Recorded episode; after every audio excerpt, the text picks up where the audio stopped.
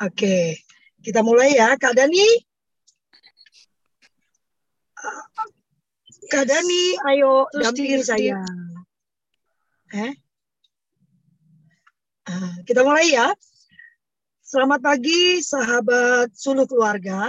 Selamat bertemu kembali dalam Kultur Parenting Pagi, edisi hari Rabu, tanggal 10 Agustus tahun 2022.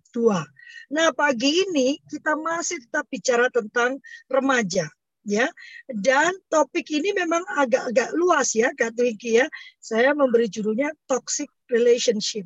Toxic relationship itu bisa berarti antara teman, bisa berarti dengan pacarnya mungkin, bisa juga antar anak dengan orang tua, bahkan antar suami dan istri. Saya sangat percaya bahwa uh, apa yang terjadi di rumah apabila toxic relationship itu terjadi antara suami istri itu akan berpengaruh pada anak-anaknya dan juga akan mempengaruhi juga cara mereka memilih dan berhubungan dengan orang lain.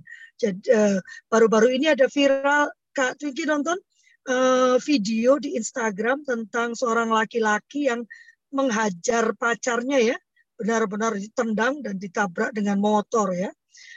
Dan kemarin juga dalam perjalanan saya ikut diskusi di klub clubhouse ya tentang domestic violence di Amerika. Saya jadi berpikir nanti ke depannya uh, operate setelah selesai kita meluncurkan bullying stop with me, ayo Kak Twinky ikut. Uh, kita akan masuk ke pembuatan panduan uh, untuk keberlanjutan undang-undang PKS ya. Karena saya rasa kita perlu bergerak untuk memastikan tidak ada lagi kekerasan terhadap perempuan ya juga terhadap anak. Nah, Kak Twinky pagi ini, oh iya, saya lupa, saya lupa beriklan. Saya selalu lupa beriklan ya. Uh, kita ini ada di Kultur Parenting Pagi. Apabila Anda ingin uh, mendukung, Anda bisa menjadi anggota hanya dengan Rp150.000 per tahun, bukan per bulan ya. Per tahun Anda mendapatkan 12 kali 12 pertemuan parenting dan jika Anda ikut 8 kali dalam satu bulan minimum, maka Anda berhak mendapatkan sertifikat bulanan. Selain itu, anda berhak mendapatkan diskon 20% untuk semua pelatihan yang kami lakukan atau yang kami kerjasamakan. Yang terdekat kami akan melakukan pelatihan coaching untuk orang tua dan guru. Ini tahap basic ya, 500 ribu dan akan dipimpin oleh Kak Mariati ya seorang coach dari Points of View jadi bukan Lovely ya uh, dan uh, acara ini bisa Anda ikuti melalui Zoom. Kalau Anda sibuk di pagi hari karena mau saya pindah di makan siang, saya takut para teman-teman saya ini nggak bisa kalau makan siang ya. Anda bisa mengikuti di YouTube kami di channel Kultur Parenting atau kalau YouTube juga sulit silakan Anda mendengarkan kembali lewat uh, channel kami podcast kami Suluh Keluarga atau Kultur Parenting di Spotify. Nah, silakan Kak Twinkie. Kak Twinkie ini nggak perlu diperkenalkan lagi saya rasa ya. Saya kemarin diingatkan Kak Dani untuk eh, edifikasi katanya. Kak Twinkie ini saya mengenal beliau lewat uh, organisasinya Sebaya ya. Uh, dan uh, beliau ini komplit ya. Beliau ini sang, uh, menguasai uh, disleksia, disgrafia, diskalkulia, ya menariknya karena beliau sendiri sangat bersinggungan dengan semua itu. Karena beliau sendiri adalah uh, uh, diska, dis, disleksia ya kak Twinky ya? Termasuk ya, disleksia. suami ya? Suami juga ya? Iya, kami sekeluarga disleksia semua, Kak Lasli. Nah, jadi bukan hanya ilmu, tapi passionnya pun dapat. Itu sebabnya juga seluruh keluarga akan bekerja sama dengan sebaya nantinya untuk membentuk uh, sebaya-sebaya lain kalau bisa di seluruh Indonesia ya Kak Twinky. Ya, mari kita mendengarkan Kak Twinky ya. Silakan. Ya, selamat pagi kakak-kakak semua. Terima kasih pagi ini saya dikasih kesempatan lagi untuk menyalurkan hobi, hobi ngomong. ya, uh, untuk tidak berpanjang lebar, bisa minta tolong Kak Deli untuk share screen. Soalnya laptop saya dari kemarin error.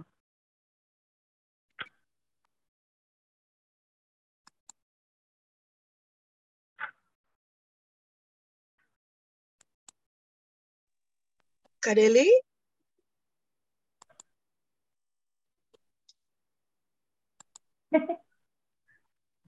Kayaknya lagi di, dikerjakan nih.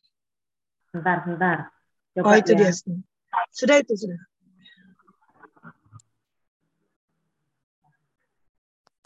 Oke, okay. pagi ini topik bahasanya mengenai toxic relationship. Uh, saya kira teman-teman sudah tahu lah uh, toxic relationship itu seperti apa. Cuma pagi ini coba kita lihat lebih dalam lagi ya. Yuk Kak, lanjut. Ya, ini ada pertanyaan. Teman-teman bisa menanyakan ke diri masing-masing jawab dengan jujur tapi tidak usah di-share, cukup disimpan di dalam hati. Apakah kakak-kakak atau kamu selalu atau merasa direndahkan, diperlakukan tidak adil, atau menjadi sasaran amarah pasangan, atau teman, atau keluarga? Lanjut Kak Deli. Kita lihat toxic relationship itu apa sih? Gitu ya ini adalah istilah untuk menggambarkan suatu hubungan yang tidak sehat yang dapat berdampak buruk bagi keadaan fisik maupun mental seseorang. Jadi kena semua nih ya. Hubungan ini tidak hanya bisa terjadi pada sepasang kekasih, suami istri, tapi juga dalam lingkungan teman, bahkan dengan keluarga, mungkin orang tua ke anak, anak ke orang tua, atau antar saudara. Ini tadi sudah disinggung sedikit sama Kak Lapri. Yuk lanjut Kak. Ya, kita lihat ciri-cirinya. Ciri-cirinya yang pertama adalah tidak ada dukungan. Dalam sebuah hubungan yang sehat, itu ada keinginan dua belah pihak atau keinginan bersama untuk melihat pasangan yang sukses dalam segala bidang kehidupan. Pasti ya. Jadi seharusnya begitu ya selayaknya bahwa kalau pasangan eh, pacaran atau suami istri atau di dalam keluarga harus saling mendukung satu sama lain gitu ya kalau ada temannya eh ada teman eh, teman atau pasangan atau anak mungkin yang membutuhkan dukungan mungkin karena eh, ada sesuatu ada suatu masalah dan sebagainya kita harus saling mendukung gitu ya kita menyemangati mereka tetapi di dalam toxic relationship ini enggak ada yang ada hanyalah dijadikan suatu kompetisi. Jadi kalau istrinya sukses di dalam bidang A, suami juga tidak mau kalah, gitu ya. Akhirnya saling menjatuhkan atau juga terhadap hubungan orang tua dan anak dalam keluarga. Kalau misalnya anaknya mau sukses, orang tuanya menghalangi.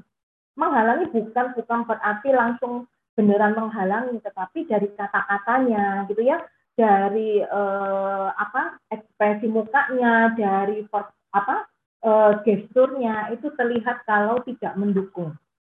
Itu, itu yang pertama. Kemudian yang kedua, komunikasi tidak sehat. Komunikasi sehat harusnya berisi kalimat-kalimat dukungan, kerjasama, perhatian dan sebagainya.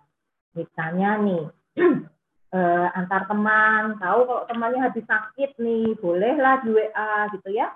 Atau disapa gimana? Sudah sehat kah? Gitu ya. E, atau orang tua dan anak juga begitu. Kemudian didukung misalnya e, semangat ya hari ini ya kamu pasti bisa gitu ya. Mungkin e, suami nih suami mau presentasi hari ini e, kita sebagai istri boleh nih WA ke suami pak semangat ya semoga hari ini sukses nah, itu adalah komunikasi yang sehat dan juga dukungan Pernahkah kakak-kakak melakukan itu? Atau kepada anak misalnya, Ma hari ini aku mau presentasi. Nah kita kasih semangat, semangat kak, kamu pasti bisa. Gitu ya. Hanya sekedar kata-kata, tetapi itu menciptakan komunikasi yang sangat-sangat sehat. Kemudian yang ketiga, selalu dicurigai, dikekang, atau bahkan cemburu berlebihan. Kata orang, kata orang, kalau misalnya cemburu itu artinya cinta. Kalau nggak ada cemburu artinya nggak ada cinta gitu ya. Tetapi di dalam toxic relationship, cemburu ini porsinya sangat-sangat berlebihan dan bertendensi mengekang ruang gerak pasangan. Jadi apa-apa dicurigai. Katakanlah suami ini habis mandi gitu ya, mau berangkat ke kantor, eh, kok bau parfumnya rada nyenget gitu ya. Langsung isi, ah nanti mau ketemu siapa nih gitu ya. Atau misalnya istrinya, sore-sore atau suaminya pulang lihat istrinya, loh mah kamu kok dandannya seperti itu ayo tadi ada ada uh, ada orang lain di sini ya gitu ya jadi sudah mulai ada cemburu-cemburu yang akhirnya nggak sehat. Selalu dicurigai misalnya telepon nih ada yang telepon terus kita sebetulnya masalah sinyal mungkin ya. Tetapi pasangan kita menganggap wah ini pasti ditelepon nih sama laki-laki lain gitu ya. Atau kita yang istri pasti nih ditelepon sama uh, perempuan lain. Ya, jadi selalu dicurigai, selalu ada cemburu yang berlebihan. Lanjut, Kak. Yang berikutnya yang keempat adalah perilaku mengatur atau mengontrol. Nah, ya, perilaku mengatur dan mengontrol. Perilaku ini sering salah diterjemahkan sebagai bentuk perhatian. Padahal bukan, ya. Perilaku mengatur lebih bertendensi pada sifat ingin menguasai jadi mengaturnya ini seperti apa? Terkadang kita ini tidak sadar bahwa eh, pasangan kita atau teman kita atau orang tua atau mungkin saudara kita mengatur kita sebetulnya secara berlebihan. Kalau mengatur secara wajar mungkin nggak apa-apa ya. Tapi mengaturnya ini bangetan. Jadi misalnya begini, eh, sampai dengan baju kita pakai baju model baju seperti apa itu kita juga dikontrol nggak boleh baju seperti ini ya sampai dengan riasan make up sampai dengan uh, mungkin potongan rambut itu juga dikontrol. Nggak boleh pakai uh, apa uh, potong rambut seperti ini. Coba potongnya seperti ini gitu ya. Jadi semuanya diatur semuanya dikontrol. Sampai dengan kita pergi dengan siapa pun itu juga dikontrol ya. Ini juga ada hubungannya sama yang tadi yang cemburu berlebihan. Karena takut sesuatu yang mungkin tidak jelas akhirnya semuanya dikontrol. Kamu boleh pergi dengan siapa, kamu boleh berhubungan dengan siapa, cara ngomongmu seperti apa sih kalau sama temenmu, gitu ya, sampai dengan pakai baju seperti apa, boleh keluar jam berapa aja, ini semua serba dikontrol, semua sudah diatur. Padahal ini kan tidak harus ya, ada mungkin beberapa hal yang boleh dikontrol, tapi ada beberapa hal yang biarlah kita kita melakukan eh, atau pasangan kita melakukan sesuka mereka asal e, pertemanan itu benar-benar sehat. Akhirnya beberapa orang ini e, memakai kedok, memakai kalimat seperti ini. Aku bersikap seperti ini karena aku sayang loh. Ya. Nah, artinya juga kalau kita tidak melakukan apa yang pasangan atau orang yang kita minta atau teman kita minta, akhirnya dianggap nggak sayang. Ya, jadi harus hati-hati di sini. Kemudian yang kelima, tidak memiliki rasa percaya. Jadi pada saat eh, Anda, kakak-kakak di sini ragu, khawatir, merasa tidak aman ketika akan menceritakan masalah yang tengah dihadapi kepada pasangan, kepada orang tua, kepada teman, bisa jadi saat ini Anda sedang berada di dalam toxic relationship. Ya seharusnya pasangan, orang tua, teman bisa menjadi eh, sahabat kita pada saat kita mengalami atau mendapatkan masalah. Terutama kita ya, kita kaum hawa ini, perempuan-perempuan ini, siap bu. Ada yang minta nanti saya saya ini ya, saya saya kasih. Oke, okay. uh, eh, sampai mana tadi? kita ini ya, kaum hawa perempuan. Kita kaum perempuan ini kalau misalnya mengalami masalah atau kita ada masalah, kita selalu ingin menceritakan ke orang lain. Terlepas apakah itu kita mendapatkan feedback atau apakah kita mendapatkan solusi, gitu ya. Kalau teman-teman tahu eh, obat nyamuk yang bakar itu, yang eh, bulat-bulat melungker-melungker itu ya. Nah, kalau kita perempuan itu dari tengah melingkarnya keluar. Jadi apabila kita ada masalah, kita akan mencari orang keluar ya. Kita akan akan masalah kita untuk bercerita dengan orang lain. Dan ingat tidak semua kita membutuhkan jawaban. Cukup didengarkan saja. Kita ini artinya sudah marem ya, sudah tenang. Beda dengan laki-laki. Kalau laki-laki itu putarannya ke dalam. Apabila mereka mengalami masalah, biasanya mereka tidak langsung mencari orang untuk mereka bisa cerita. Biasanya mereka diem. Diem dulu, persoalan itu dibawa ke dalam, diselesaikan dulu. Kalau mereka sudah itu benar-benar nggak bisa, butuh orang baru mereka ngomong. Beda dengan kita ya. Kita ada masalah sedikit aja gitu ya. Misalnya hanya sekedar bingung uh, hari ini anak belum melakukan ini belum itu kita akan cerita sama orang. Nah, di sini yang di kelima ini adalah kita khawatir untuk bercerita. Hanya sekedar begini misalnya istri ya problemnya emak-emak bingung nih pagi harus ngatur ini, belum ngurus suami, belum menyiapkan sarapan, belum untuk bekalnya anak, belum ngantar ke sekolah gitu ya. Terus kita cerita nih sama pasangan gitu ya, kita cerita sama bapaknya, coba papa aku nih bingung lupa gini gini gini. Yang ada apa? Menyalahkan. Akhirnya yang terjadi apa? Yang terjadi berikutnya istri akan diam. Terus juga aku diam. Oh kalau aku ngomong juga aku akan disalahkan, gitu ya atau kita ke orang tua nih ya? Ke orang tua. Misalnya bilang e, mas apa aku ini ada ada pekerjaan eh, apa ada tugas tapi aku bingung misalnya bingung menyelesaikan. Orang tua ya bisa menyalahkan. Makanya kok bisa telat dia nih lah gitu loh. Tanpa memberikan solusi. Akhirnya apa yang terjadi? Ya anak diam. Mending aku nggak ngomong nih. Wong aku kalau ngomong juga dimarahin gitu ya. Wong aku kalau bilang aku ingin dapat solusi bisanya cuma disalah-salahin, selalu dicari kesalahan sih. Gitu. Ya, akhirnya eh, ada perasaan khawatir, ada perasaan tidak am, tidak nyaman, tidak aman pada saat kita menceritakan masalah kita ke pasangan, ke teman, atau bahkan ke orang tua. Oke, berikutnya Kak Deli. Yang keenam. Nah, tidak mengingat momen penting Melupakan momen penting karena kesibukan adalah hal yang bisa dimaklumi. Namun, jika tetap melupakan meski sudah sering diingatkan, bisa jadi memang seseorang kurang menghargai keberadaan pasangannya.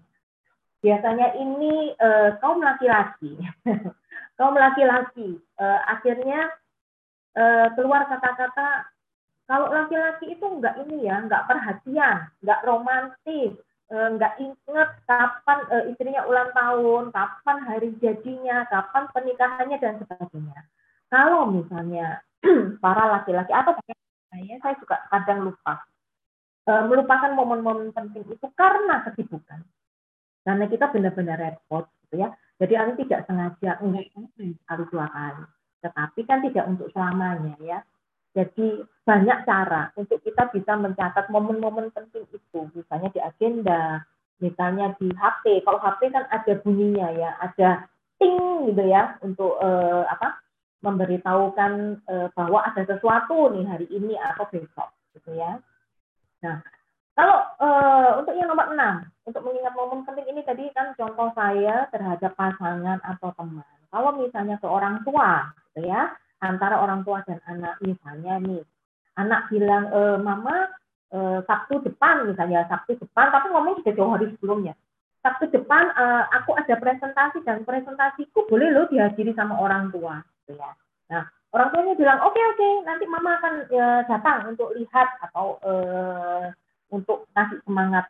Tapi ternyata orang tuanya lupa gitu ya. Kasihan ya karena akhirnya di PHP kita sudah ngomong tapi ternyata enggak. Atau enggak usah itu deh misalnya e, mas aku butuh bantuan untuk ngerjakan e, tugas A gitu ya. Orang tuanya oke okay, oke okay, tapi hanya janji-janji aja. Gitu ya. Atau misalnya nonton film nih ayo mas kita nonton film. Oke okay. tapi ternyata lupa gitu. Dan itu terus-terusan seperti itu. Nah ini loh ini artinya eh, saat ini kita atau anak ini sedang berada dalam toxic relationship. Kemudian yang kedelapan, eh ketujuh itu harusnya ya, maaf saya tetap delapan ya, nah ketujuh, ketujuh kebiasaan finansial yang buruk. Ya, dalam eh, jika dalam sebuah hubungan sudah terdapat kesepakatan bagaimana dan ke mana saja uang akan dialokasikan, namun pasangan melakukan hal di luar kesepakatan itu, maka itu bisa disebut sebagai kondisi yang tidak baik bagi hubungan selayaknya adalah bahwa sebelum e, kalau kita ngomong masa eh, tentang suami istri ya, sebelum melangkah ke perkawinan harusnya sudah ada perjanjian gitu ya. Uang ini digunakan untuk apa saja.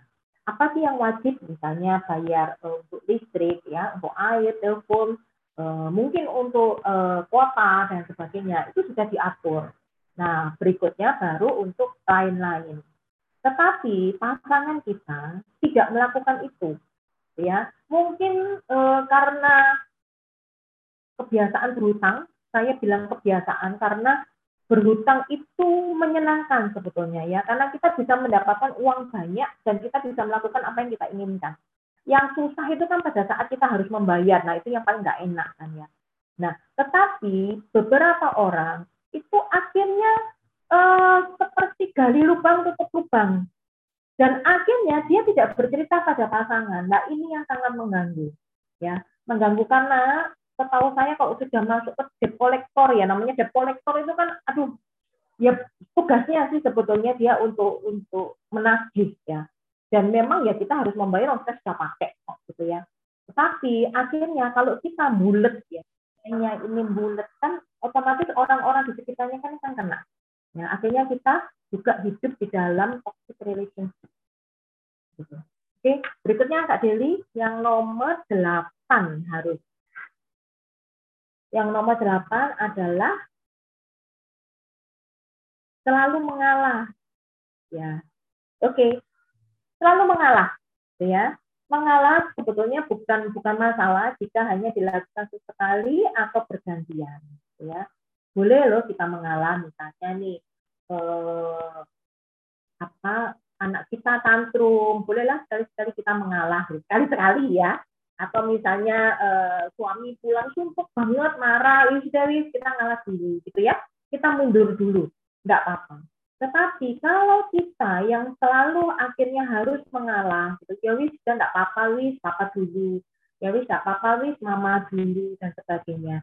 Nah ini yang akhirnya akan menjadikan beban, sebetulnya beban terhadap orang yang selalu mengalah ini.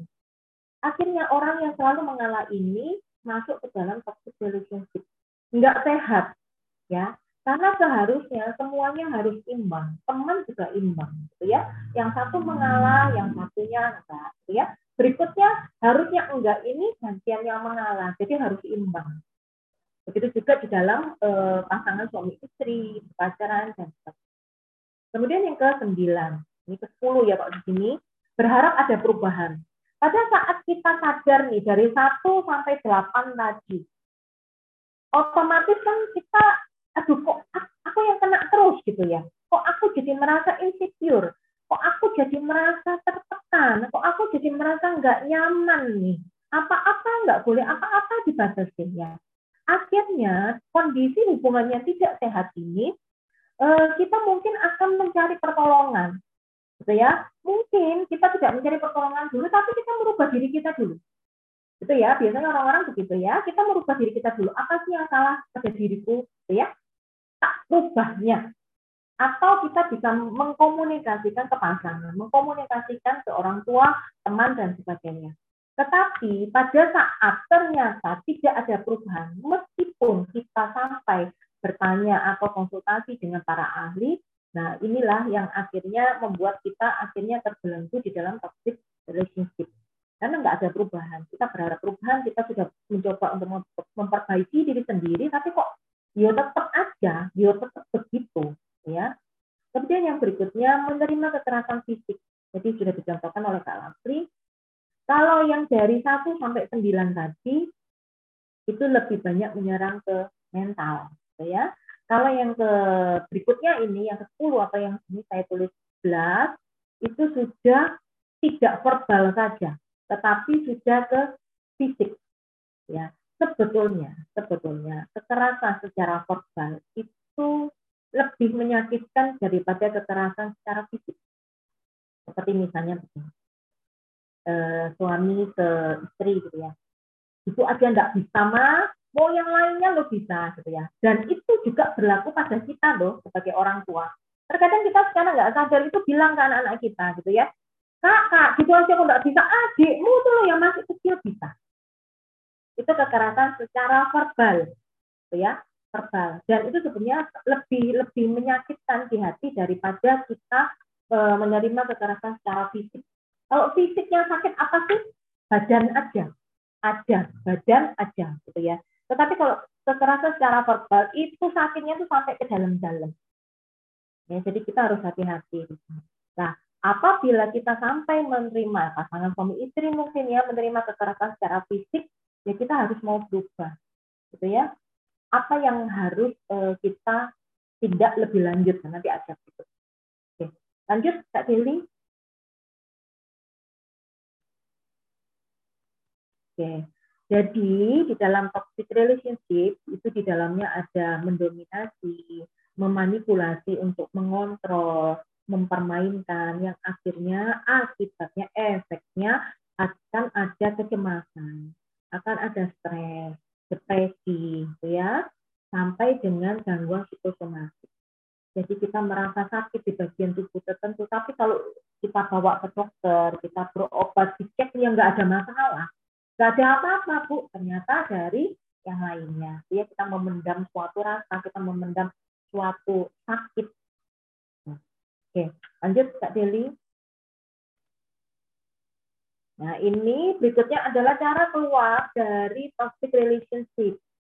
Jadi yang pertama, akuilah bahwa e, di dalam hubungan, mungkin hubungan pertemanan, hubungan pacaran, hubungan suami istri, atau hubungan di dalam keluarga itu ada masalah. Ya, diakui dulu.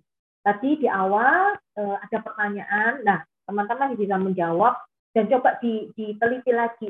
Aku seperti itu enggak sih? Gitu ya. Dari 1 sampai 10 itu aku ada enggak sih? Atau beberapa dari itu ada enggak sih? Itu dulu. Mengakui dulu permasalahan yang ada di dalam hubungan. Kemudian yang kedua menghargai diri sendiri. Nah banyak orang-orang ini yang yang yang kedua ini selalu dieliminasi gitu ya selalu dieliminasi begini kalau kita punya uang 10 ribu katakanlah ada orang yang butuh 2.000 atau mungkin mereka butuh 10.000. Artinya apa? Kita bisa kasihkan kalau mereka butuh, gitu ya. Kenapa? Karena kita punya. Nah, tetapi apabila kita tidak punya uang, terus mereka minta, e, tolong dong kasih aku atau pinjami aku 2000, kita bisa kasih enggak? Enggak. Karena kita enggak punya. Sama. Jangan bilang kita bisa mencintai anak kita, kita bisa mencintai pasangan kita, kita bisa mencintai orang tua atau teman kita, A, tetapi kita tidak bisa mencintai diri kita sendiri. Yang benar adalah cintailah dulu dirimu. Apabila kamu mencintai dirimu, artinya kamu bisa mencintai orang lain. Kenapa? Karena kamu punya cinta. Ya. Kemudian yang berikutnya, komunikasikan tentang permasalahan dalam hubungan komunikasikan dulu ke pasangan, komunikasikan dulu ke teman, ke orang tua, gitu ya. Mungkin kita sebagai anak kita bisa ngobrol, mas, aku tuh merasa nggak nyaman loh kalau aku cerita mengenai masalahku ke mama papa, gitu ya. Atau ke pasangan eh, yang, ya, Hani dan sebagainya, mas, atau dek, aku merasa tidak nyaman kalau misalnya eh, aku selalu dibatasi untuk pergi, gitu ya. Jadi eh, komunikasikan pada saat kita nggak bisa, nah kita bisa mencari bantuan profesional. Terus lompat saya yang ke-9. Oke, ke pasangan dulu ya, ke pasangan, ke orang tua, dan sebagainya. Kemudian yang keempat, pikirkan apa yang harus dilakukan selanjutnya. Nah, pikirkan apa yang harus dilanjut, e, dilakukan selanjutnya dengan yang nomor lima, tetapkan tujuan untuk mandiri. Ini lebih banyak berlaku untuk pasangan suami istri misalnya ada di ada ada uh, ada kekerasan dalam rumah tangga gitu ya baik secara verbal maupun secara fisik nah setelah kita mengkomunikasikannya ternyata tetap tidak ada solusi tidak ada perbaikan nah kemudian kita harus berpikir apa sih yang harus kita lakukan? Gitu ya. Kalau masih di hubungan pertemanan kita masih muda ya sudah dijauhi saja. Toxic ini ya kita berteman dengan orang-orang yang lebih yang lebih sehat gitu ya, yang tidak menjadi racun dalam hidup kita. Itu. Terus uh, untuk hubungan suami istri kalau misalnya kita berada di dalam toxic relationship dan kita benar-benar wah ini sudah kebangetan gitu ya sampai ada kekerasan dan sebagainya kita memang akhirnya harus berpikir mungkin kita harus berpisah kalau saya sih sebetulnya secara pribadi saya tidak menyetujui Eh, cerai ya. Tetapi apabila dalam suatu rumah tangga sampai ada kekerasan baik secara fisik maupun verbal sampai akhirnya membahayakan mungkin terhadap diri sendiri maupun ke anak-anak akhirnya jalan itu yang harus kita ambil Ya, kita kan nggak mungkin ya jadi tampak seumur hidup, gitu ya. Nah, pada saat kita mengambil jalur itu, mengambil jalan itu, kita harus menetapkan diri kita. Oke, kalau aku misalnya mau mau cerai nih, mau divorce nih, apa yang harus aku lakukan? Bisakah aku mandiri? Gitu ya, jadi tetapkan tujuan. Oke, untuk mandiri aku harus apa? Karena yang dulu mungkin kita bergantung seutuhnya kepada suami, uh, finansial juga tergantung, apa pun tergantung. Ini kita harus harus pisah loh. Kalau kita harus bagaimana? Sanggupkah kita sendiri? Tetapi kalau misalnya kita benar-benar uh, mendapatkan toxic relationship yang benar-benar sangat-sangat mengganggu kita sampai dengan ada kekerasan rumah tangga, uh, baik tadi yang saya bilang ya secara verbal maupun fisik, ya memang akhirnya jalan itu yang harus kita ambil, gitu ya. Kemudian yang keenam, beritahu seseorang, ya jadi eh, kita mencari alternatif-alternatif sebelum kita mendapatkan jalan yang paling akhir. Komunikasikan dulu dengan pasangan, komunikasikan dulu dengan teman atau orang tua, kemudian kita mencari bantuan ke teman gitu ya, ngomong, mungkin ada teman yang bisa didengarkan oleh pasangan kita, ada teman yang bisa didengarkan oleh orang tua kita gitu ya. Kemudian yang kesembilan, kalau kita lompat yang kesembilan, akhirnya mencari bantuan profesional. Gitu ya, berdua, yuk barengan kita menyelesaikan itu atau dengan orang tua barengan ya. Kemudian yang berikutnya berhenti bicara dengan pasangan. Ini kalau pasangan ya, masalahnya di pasangan. Jadi berhentilah berbicara karena kalau kita bicara akhirnya yang terjadi apa? Nggak bagus. Mungkin cekcok ya. Kalau kita eh, orang dewasa cekcok, dampaknya itu ke anak. Mungkin enggak kok anak saya di kamar loh, jangan salah loh.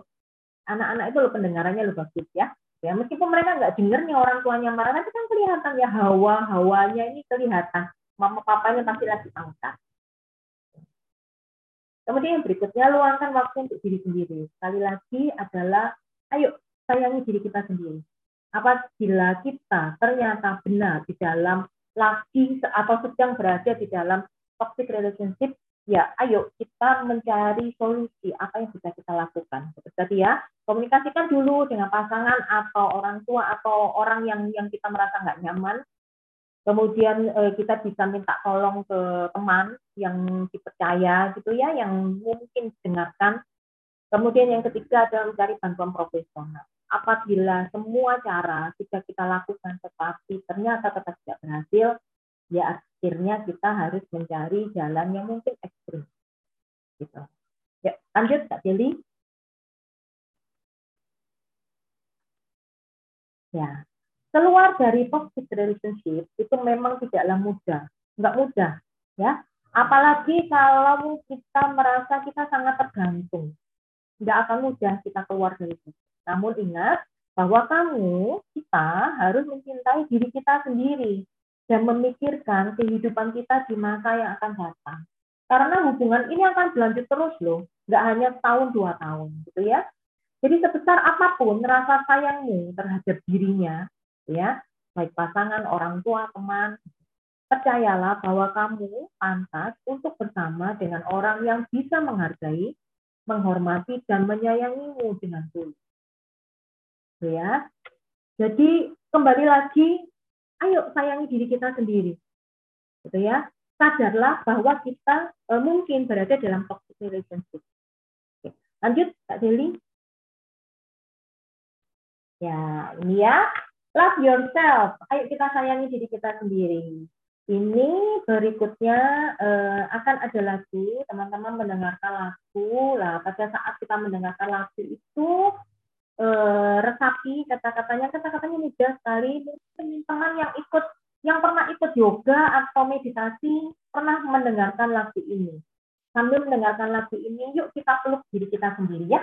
Jadi kita peluk diri kita sendiri kita sayangi diri kita sendiri sambil kita mendengarkan uh, lagu yang berikut. Ya silakan kak Deli yang berikutnya. Kemudian bisa di ya ini ya lagunya nanti kata-katanya seperti ini. Mungkin sudah sudah ada yang tahu oh ternyata ini toh gitu ya oke kak Deli bisa diputarkan lagunya sebentar sebelum masuk ke sesi tanya jawab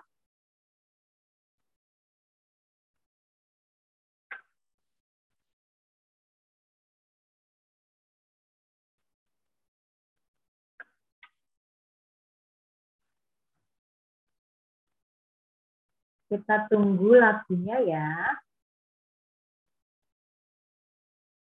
Jangan lupa sambil kita mendengarkan lagu, sambil kita memeluk diri kita sendiri.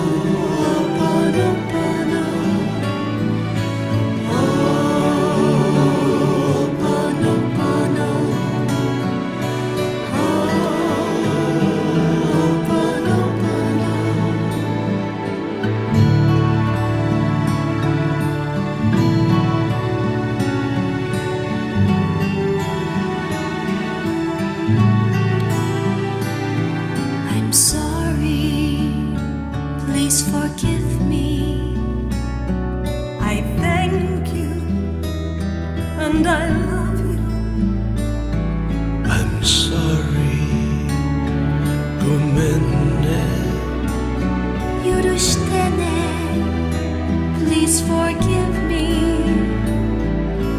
I'm sorry. Please forgive me.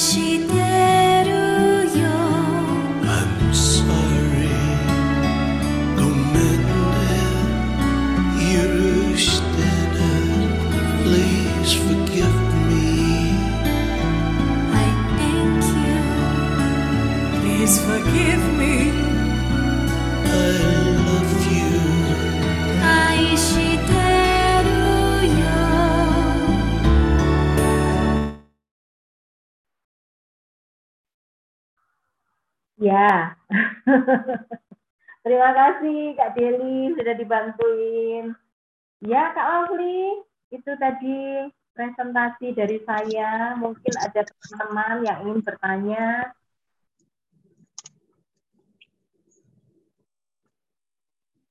Bentar, bentar. kan di mobil jadi agak-agak ribet.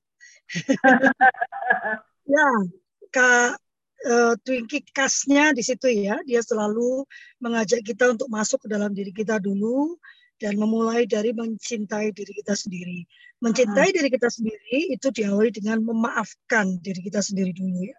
Karena sering kali kita sulit memaafkan diri kita atas kesalahan-kesalahan kita di masa lalu atau atas kelemahan-kelemahan kita sendiri ya. Nah, ya. itu yang paling penting ya Kak Twinkie ya. Itu juga saya juga baru-baru saja kok bisa memaafkan diri saya sendiri untuk uh, apa kekurangan-kekurangan yang saya punya gitu ya. Teman-teman apakah ada yang mau bertanya atau uh, berbagi cerita gitu ya terkait dengan toxic relationship dan tadi mau nanya siapa yang yang uh, pertanyaan tadi semuanya tiknya oke okay, bisa bisa semua atau siapa yang uh, apa ternyata enggak enggak enggak wah kok ternyata saya ada di dalam toxic relationship ya. Nah, di dalam toxic relationship ini uh, perlu sekali kita mencari cara untuk menyelesaikannya ya Kak Twinkie ya. ya. Mengajak bicara pasangan karena itu nanti akan mempengaruhi perkembangan anak-anak kita ke depannya. ini sudah ada WhatsApp saya. Ayo, siapa yang mau menyampaikan pendapat Kak Dani? Kak Dani ini biasanya langsung ini ada ada yang ngechat saya pribadi Kak Lovely. Iya, aku juga di chat pribadi. Gimana sih teman-teman ngechat secara personal dong? Apa ya. pertanyaannya?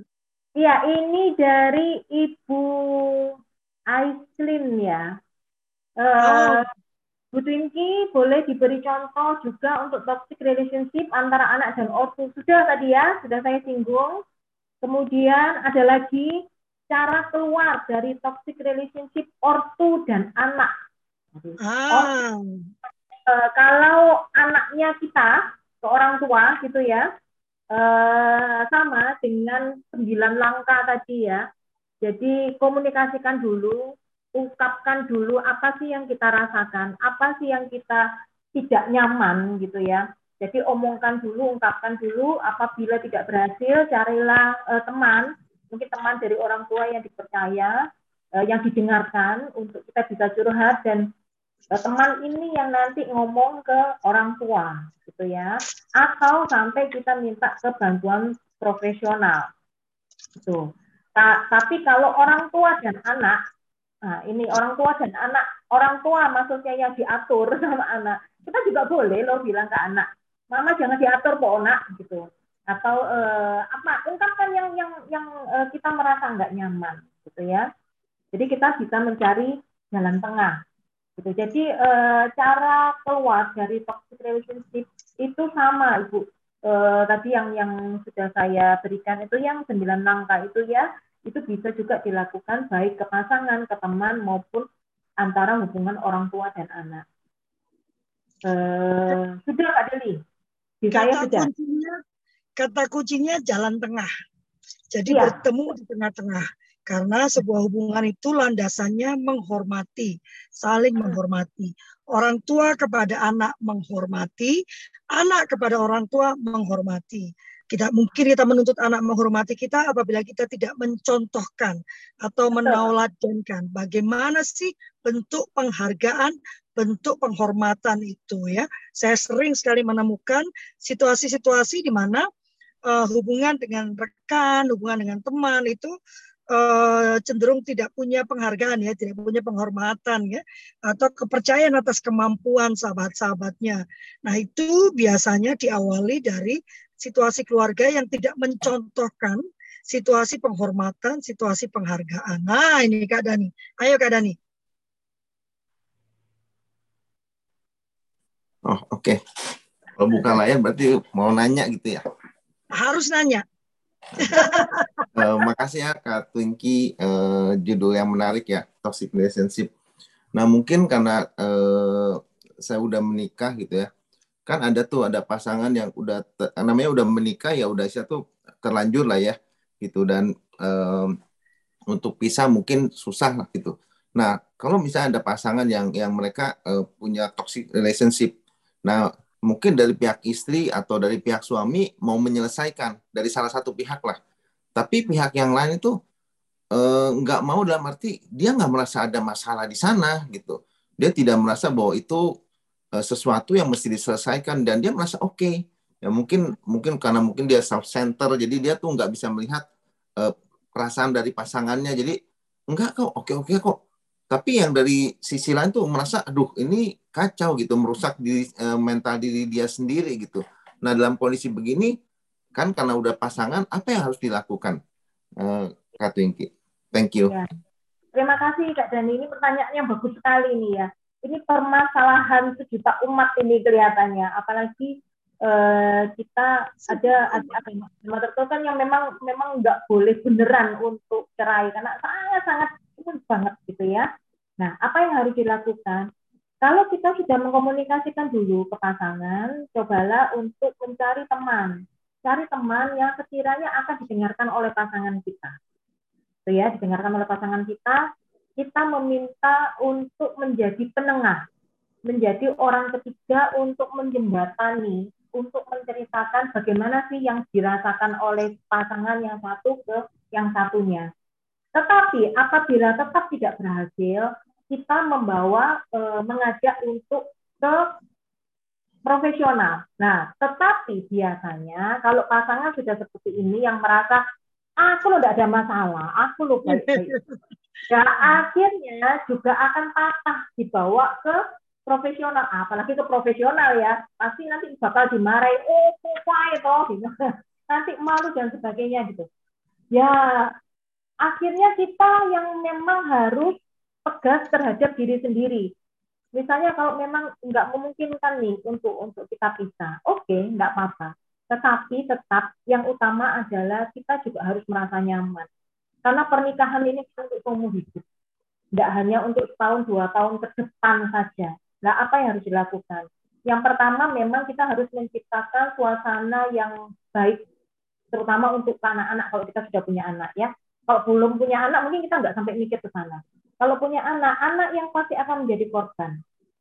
Jadi kita selesaikan dulu, kita bukannya kita ngomongin soal masalah bapaknya atau ibunya menjelek-jelekan ke anak enggak. Tetapi kita bisa bilang eh, mungkin saat ini mama merasa tidak nyaman sama papa atau mungkin papa saat ini tidak merasa nyaman dengan mama. Jadi untuk menghindari biar mama sama papa tidak tengkar, mungkin mama akan lebih banyak diam, begitu ya? Atau papa lebih banyak diam. Mungkin akhirnya begitu, Kak Dani. Akhirnya mengalah ya, tetapi ya memang akhirnya kan berputar terus ya. Di toxic relationship ini kan nggak keluar-keluar dia dari situ.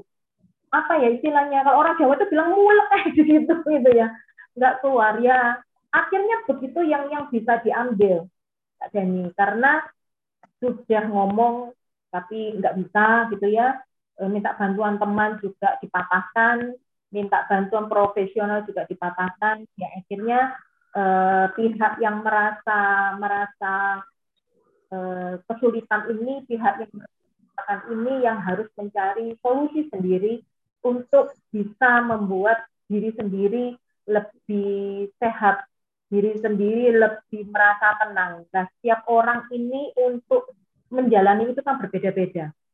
Ada yang oke, okay, aku diam saja, terserah dia mau ngomong apa, mungkin akhirnya begitu. Tapi ada beberapa orang lain yang enggak.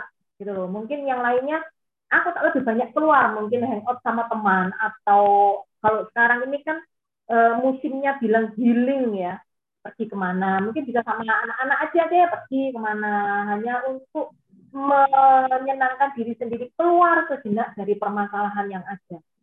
Akhirnya hanya bisa seperti itu mungkin Kak Dani. Ya. Terima kasih Kak. Sama-sama Kak.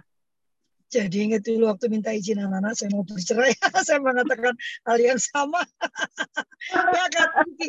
Iya, saya mengatakan hal yang sama. Mama tidak bahagia, jadi mama mau minta maaf, mama akan.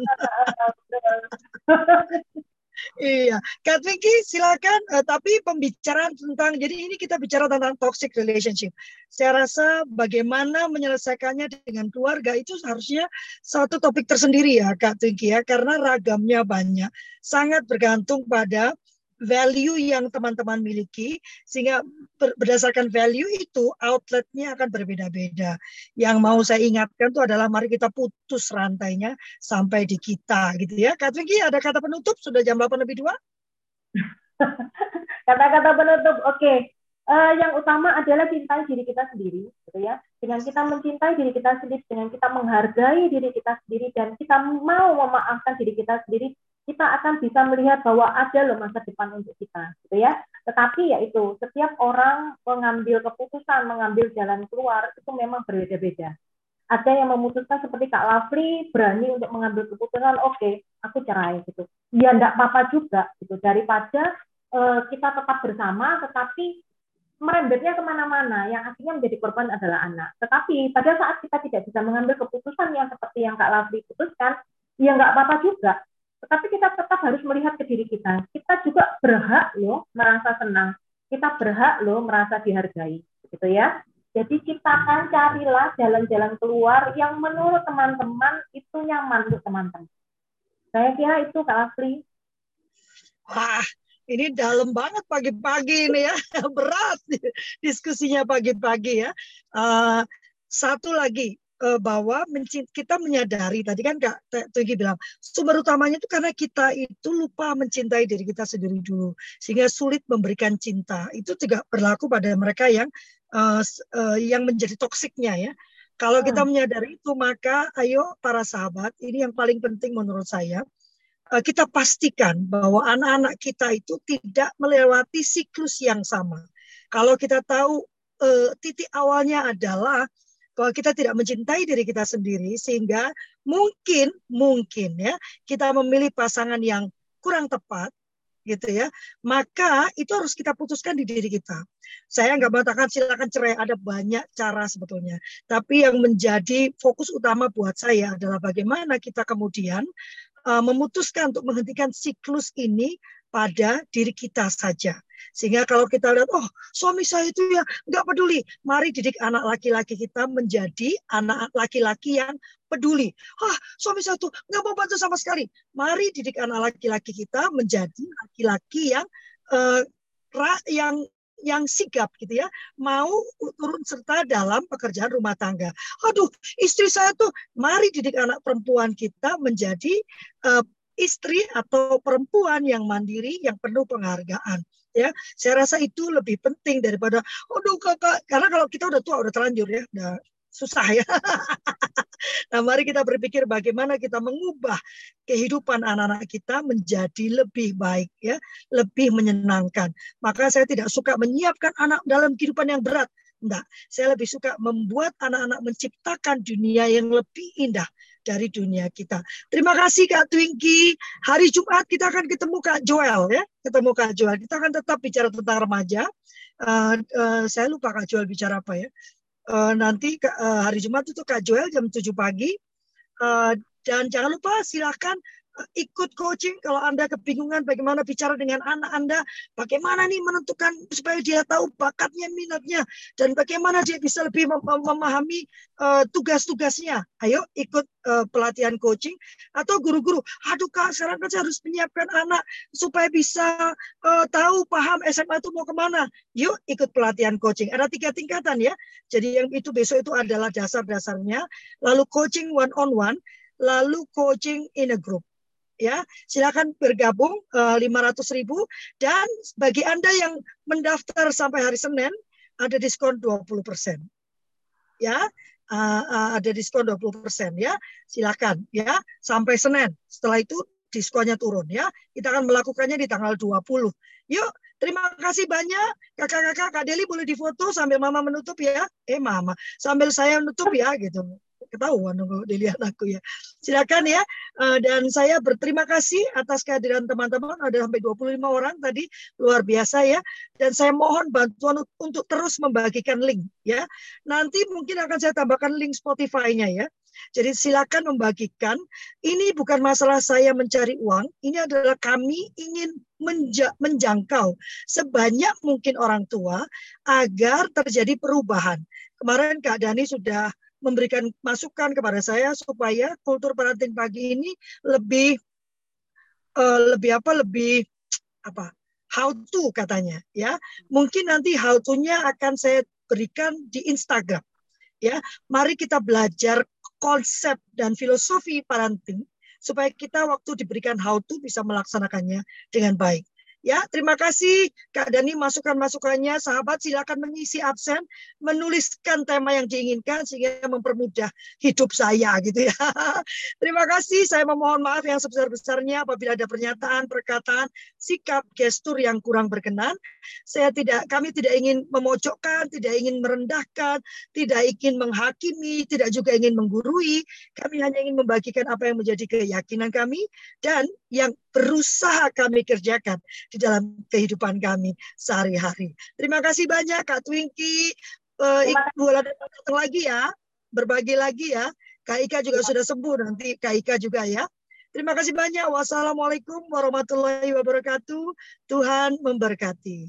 Oh ya, yang Kristen, hari Kamis malam saya punya uh, komunitas janda duda cerai ya dan para perempuan yang memilih untuk tidak menikah. Yuk berkumpul lalu Jumat malam operet ada operet memeluk ya. Silakan berkumpul bersama kami. Terima kasih. Selamat hari Rabu. Tuhan memberkati. Saya pamit ya. Makasih. Makasih Kak Dani. Makasih Kak Makasih Kak Lovely, Kak Twinkie, semua Tuhan berkati. Terima kasih. Oh, Kak Candi, kan udah pergi tadi, gue pikir udah pergi. Masuk dari yang satu lagi. oh, oke. Okay. Have a nice day. Ya, terima kasih. Gitu.